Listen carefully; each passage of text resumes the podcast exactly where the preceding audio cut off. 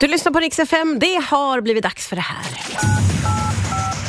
Martina Thuns lyssnarkorre.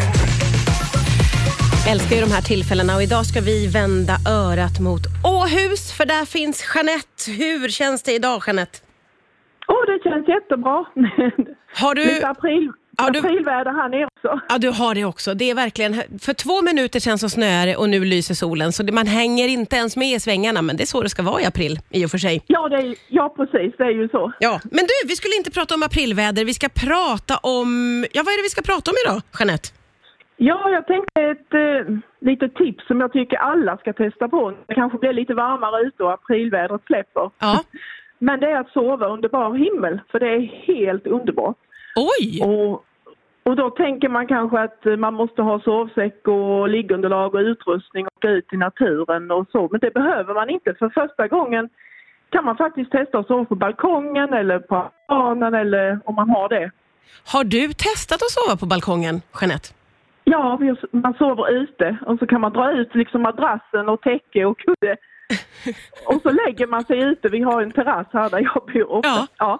Men gud, alltså det låter jättemysigt, men ta mig igenom, hur är det då att sova utomhus en hel natt?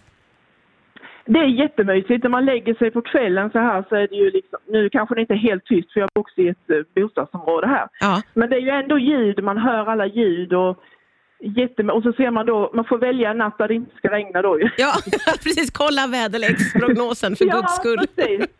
Men just, jag, det underbaraste jag vet är ju att se stjärnhimlen ovanför sig. Åh, När man liksom, det känns nästan som att någon tänder stjärnorna så här lite en efter en. Man säger, varenda gång man tittar lite så ser man fler och fler. Ja. ja, vad härligt. Och hur är det att vakna då när man har sovit under bar himmel en hel natt?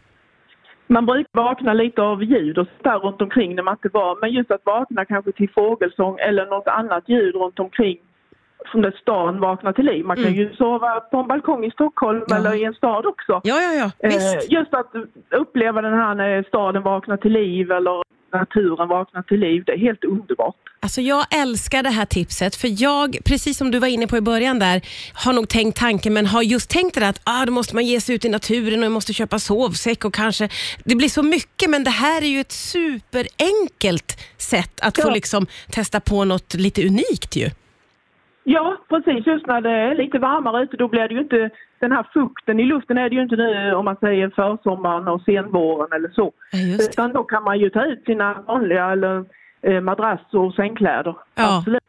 Mm. Ja, men vilket o- otroligt inspirerande tips. Det här ska jag testa så fort det blir lite varmare. Vi får komma förbi det här jädra aprilvädret men sen, Ja, sen, det är- får vi göra. sen ska vi ut på Men- balkongen.